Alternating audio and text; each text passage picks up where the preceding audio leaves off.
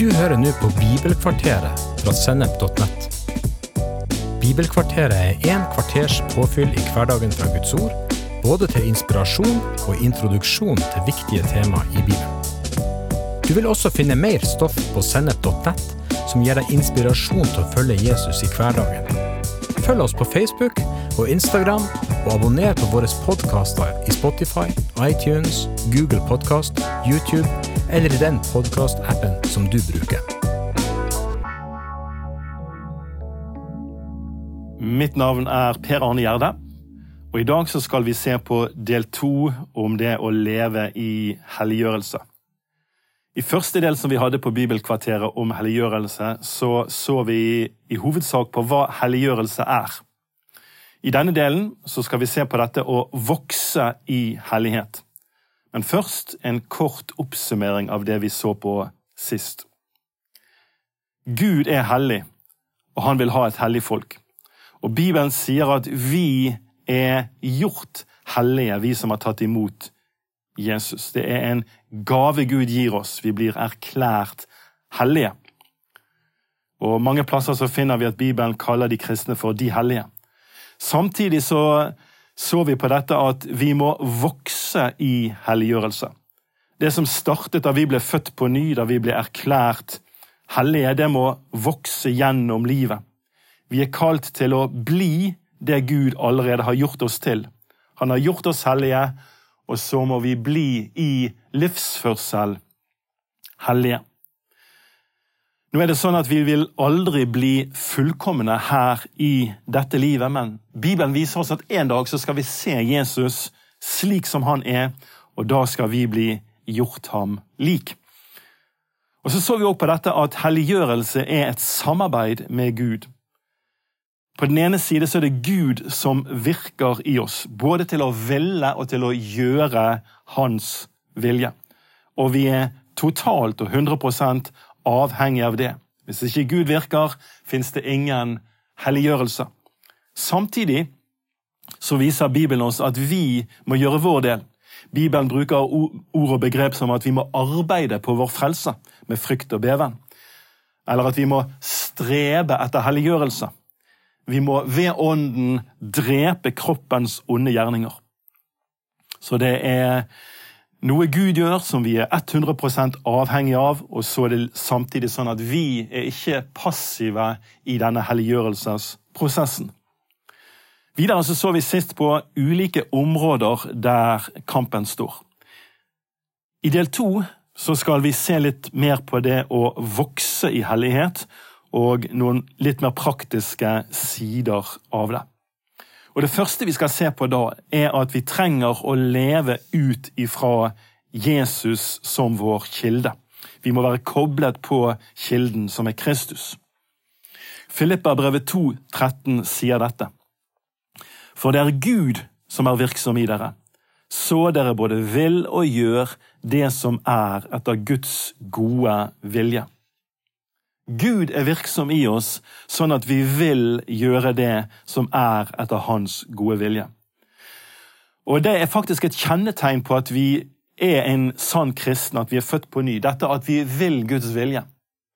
Dersom det er sånn at jeg kan gjøre synd og leve i synd uten at det stikker meg i hjertet, uten at jeg kjenner at det gjør vondt, ja, da er det faktisk et spørsmålstegn om Gud i det hele tatt er virksom i meg om jeg har blitt født på ny. Fordi at Gud, når vi blir født på ny, vekker vår samvittighet, og han legger ned i oss, han virker i oss til å ville hans vilje. Så er det selvsagt sånn at det ikke bare er sånn at vi vil gjøre Guds vilje, men han virker i oss til å ville og gjøre det som er etter hans gode vilje. Og det er det bare Gud som kan gjøre. Sånn vi, vi, har eh, skriftsteder som sier dette, at vi ved Ånden dreper kroppens onde gjerninger. Det er ved Ånden. Eller dette, dette bildet som vi kjenner så godt med Jesus som vintreet, og oss som grener på Han. Der dette livet som flyter i Kristus, flyter ut til oss som grener. Og på den måten så kan vi bære frukt. Jesus gjør det veldig klart at hvis vi ikke blir i Han, så kan vi ingenting gjøre. Men hvis vi blir i Han, så kan vi bære mye frukt. Så det handler om å være forent i et liv med Jesus, der han er vår kilde. Og Derfor fins det ingen shortcut. Det fins ingen quick fix. Det fins ingen instant helliggjørelse eller tre enkle steg til et liv i hellighet. Men det handler om, som Paulus sier, å leve et liv i ånden. Og da, sier han, følger vi ikke begjæret i menneskets kjøtt og blod. Galaterbrevet 5, 16. Så er det jo sånn at far han er vinbonden som går i vingården, og så beskjærer han plantene. Eh, og steller med dem. Og, og, Noen ganger så kan jo det være smertelig når han kutter av en grein som har fått vokse litt vilt, men han gjør det i kjærlighet for at vi skal bære mer frukt. Dette livet der Jesus er vår kilde, det handler om ting som å leve i Guds ord. Bibelen sier at Guds ord er mat for oss. Det er ved Guds ord at vi kan leve i omvendelse. At omvendelse er jo dette at vi blir justert når Guds ord, Guds tanker, åpenbaringen av hva Gud vil, kommer til oss. Så kan vi la oss justere av ordet. Guds ord vil fornye sinn og tanker, sånn at vi i voksende grad vet hva som er Guds vilje, og kan følge den. Det handler òg om et liv i bønn og lovsang, der vi bruker tid sammen med Herren, der vi går inn i lønnkammer og bruker tid alene med Han, der vi sammen med søsken lovpriser Hans navn ulike, ved ulike anledninger. En annen side som er viktig i helliggjørelsen, er fellesskap. Hebreerbrevet 3, 12-14 sier Se til, søsken, at ingen av dere blir onde og vantro i hjertet og faller fra den levende Gud. Så altså Her beskriver forfatteren av Hebreabrevet at det faktisk er en mulighet for at vi blir onde og vantro i hjertet. At vi kommer inn i en negativ prosess og faktisk faller fra Gud. Og så sier han at vi må se til. Vi må se til hverandre, du med, du med meg og jeg med deg, at det ikke skjer. Og så sier han noe om hvordan vi kan unngå det. Han sier i vers 13 dere skal heller oppmuntre hverandre hver dag så lenge det heter i dag, så ingen av dere skal la seg bedra av synden og bli forherdet. Vi har jo del i Kristus, så sant. Så her er det en betingelse. Vi har del i Kristus, så sant. Vi helt til det siste holder fast på det grunnlaget vi hadde i begynnelsen. Så det er noe vi må holde fast på. Og så må vi unngå å bli bedratt av synden. Du vet, Synd kommer som regel som et bedrag. Fienden, djevel, kommer sjelden på en veldig sånn åpenlyst måte og prøver å, å, å, lure oss til synd eller få oss til synd. Han, han prøver å bedra oss. Og så sier, sier forfatteren av hebreerbrevet her at en av måtene vi kan unngå det på, er at vi oppmuntrer hverandre. Det er noe med det å leve i fellesskap med brødre og søstre som, som hindrer oss fra å bli bedratt av synden. Det er noe med fellesskapet med søsken som er styrkende for vandringen med Herren. Vi oppmuntrer hverandre. Og Du har sikkert hatt den samme erfaringen som jeg har hatt. at Det blir eh, onsdags eh, ettermiddag, du, det er gruppesamling om kvelden, men du har nettopp spist middag, og du kjenner at blodet forsvinner fra hodet og ned i magen. Du, du sitter eller ligger på sofaen og føler deg bare litt sånn sløv og litt sånn slapp. og Så ser du på klokken og så tenker du at oi, nå er det bare en liten time til jeg skal være på gruppesamling. og Du må, du må liksom mobilisere krefter og dra deg opp av den sofaen. og Det er veldig mye i deg som hadde lyst til å bare bli værende på den sofaen. Ta en liten lur, slapp litt av. Men så går du på, på samling for å treffe dine søsken, og så er det deler en med hverandre ting som skjer i livet, og så får en del i hverandres liv. Vi priser Gud sammen, vi deler Guds ord med hverandre. Og så bare kjenner du at det skjer noe fantastisk i det. At det er oppmuntring og styrke og liv og nåde som flyter. fellesskapet med søsken er en fantastisk ting. Så kildelivet, dette å, å, leve i hverdagen med Jesus, i ordet, i bønn, i fellesskap med søsken, er det første vi ser på. Det andre som jeg vil vi skal fokusere litt inn på, er at vi må arbeide på frelsen.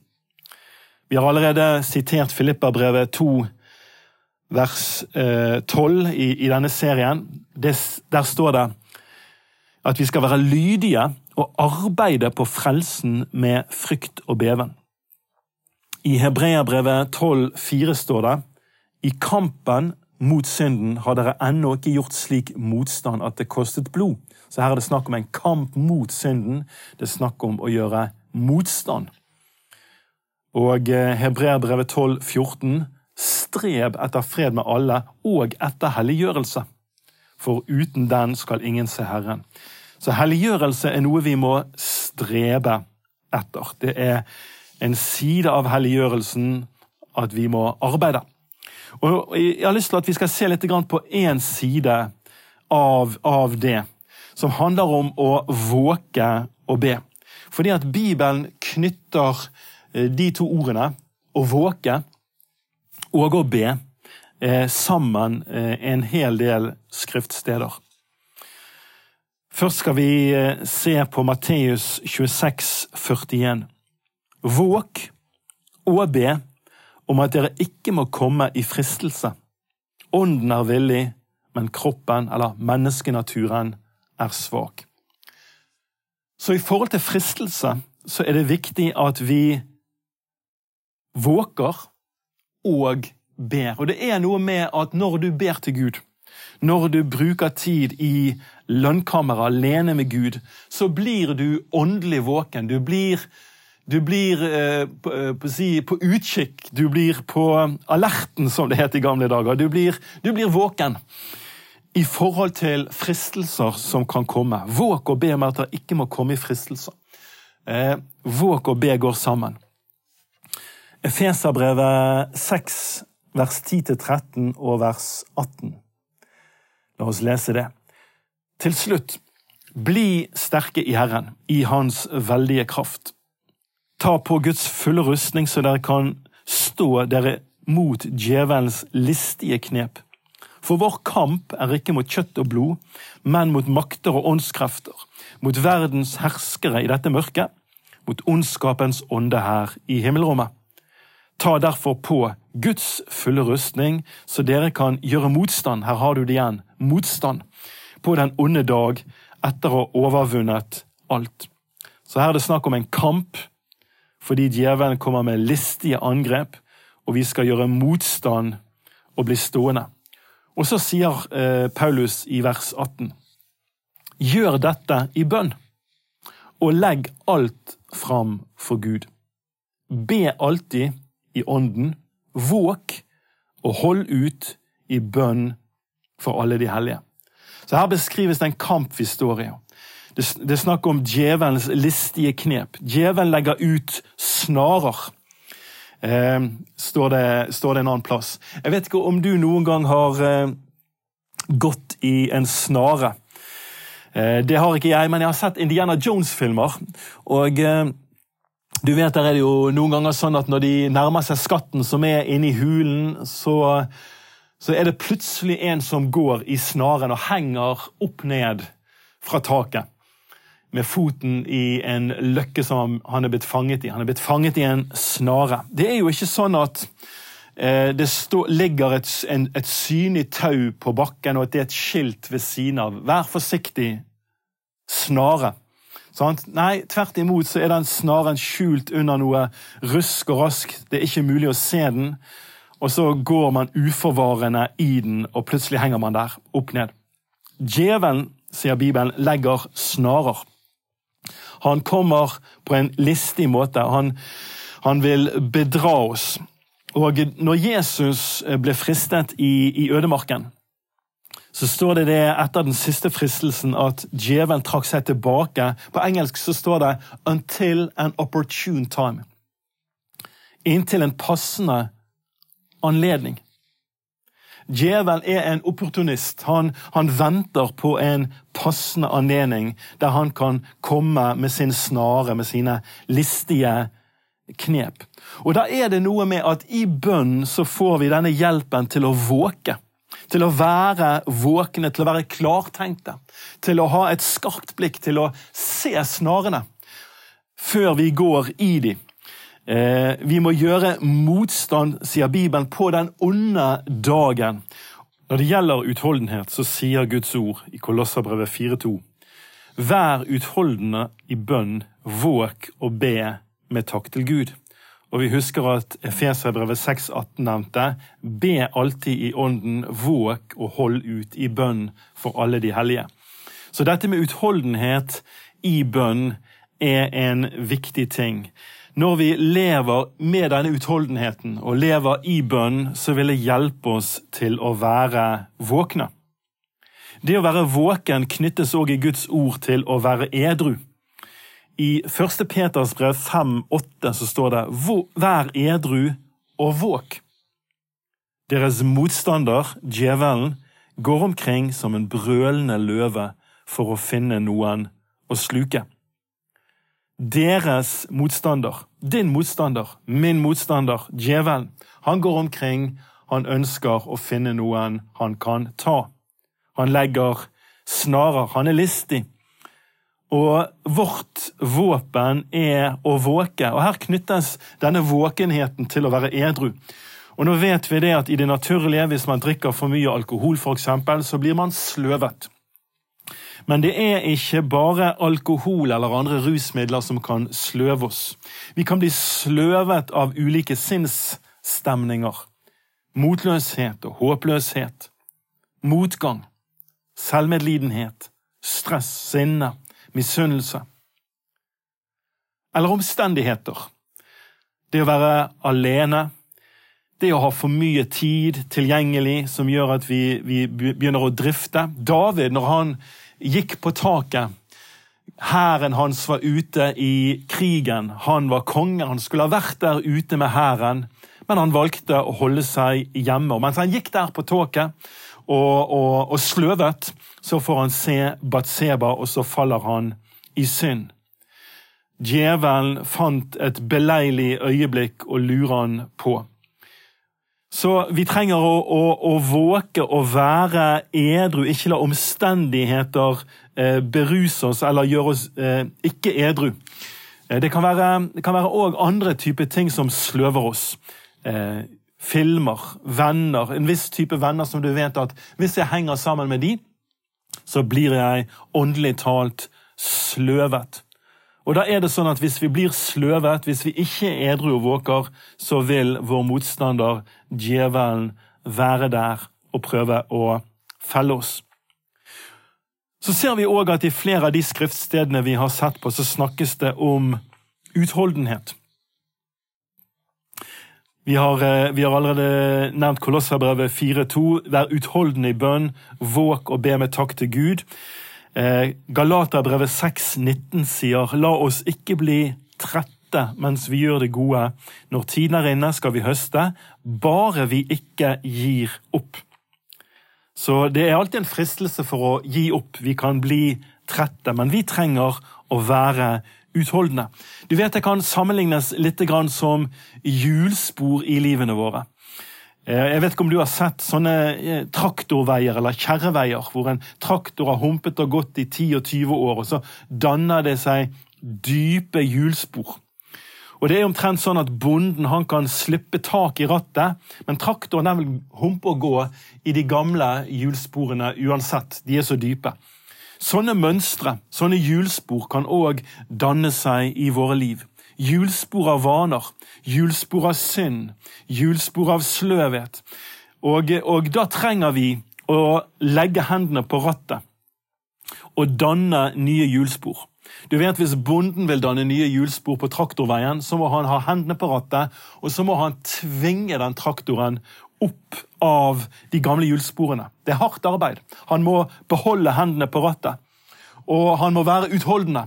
Og Hvis han slipper grepet i rattet, så vil traktoren dette ned i de gamle hjulsporene igjen og humpe og gå i gamle mønstre. Og Sånn er det mye i livene våre òg, at vi trenger der det er blitt sånne negative eller syndige mønstre i livene våre, å holde hendene på rattet. Vi trenger utholdenhet, og vi trenger å arbeide, og vi trenger å tvinge billedlig talt traktoren opp av de gamle hjulsporene av synd eller uvaner. Og det er hardt arbeid. Det krever noe, det krever utholdenhet, men det er mulig. Det er mulig ved Guds hjelp, hvis vi har våre kilder i Herren, så er det mulig å arbeide på vår frelse, legge hendene på rattet, danne nye mønstre, gode mønstre, eh, livgivende mønstre i livene våre. Så la oss oppsummere med at vi skal arbeide på vår frelse med frykt og beven. Gud virker i livet ditt, både til å ville og til å gjøre hans vilje. Vær velsignet.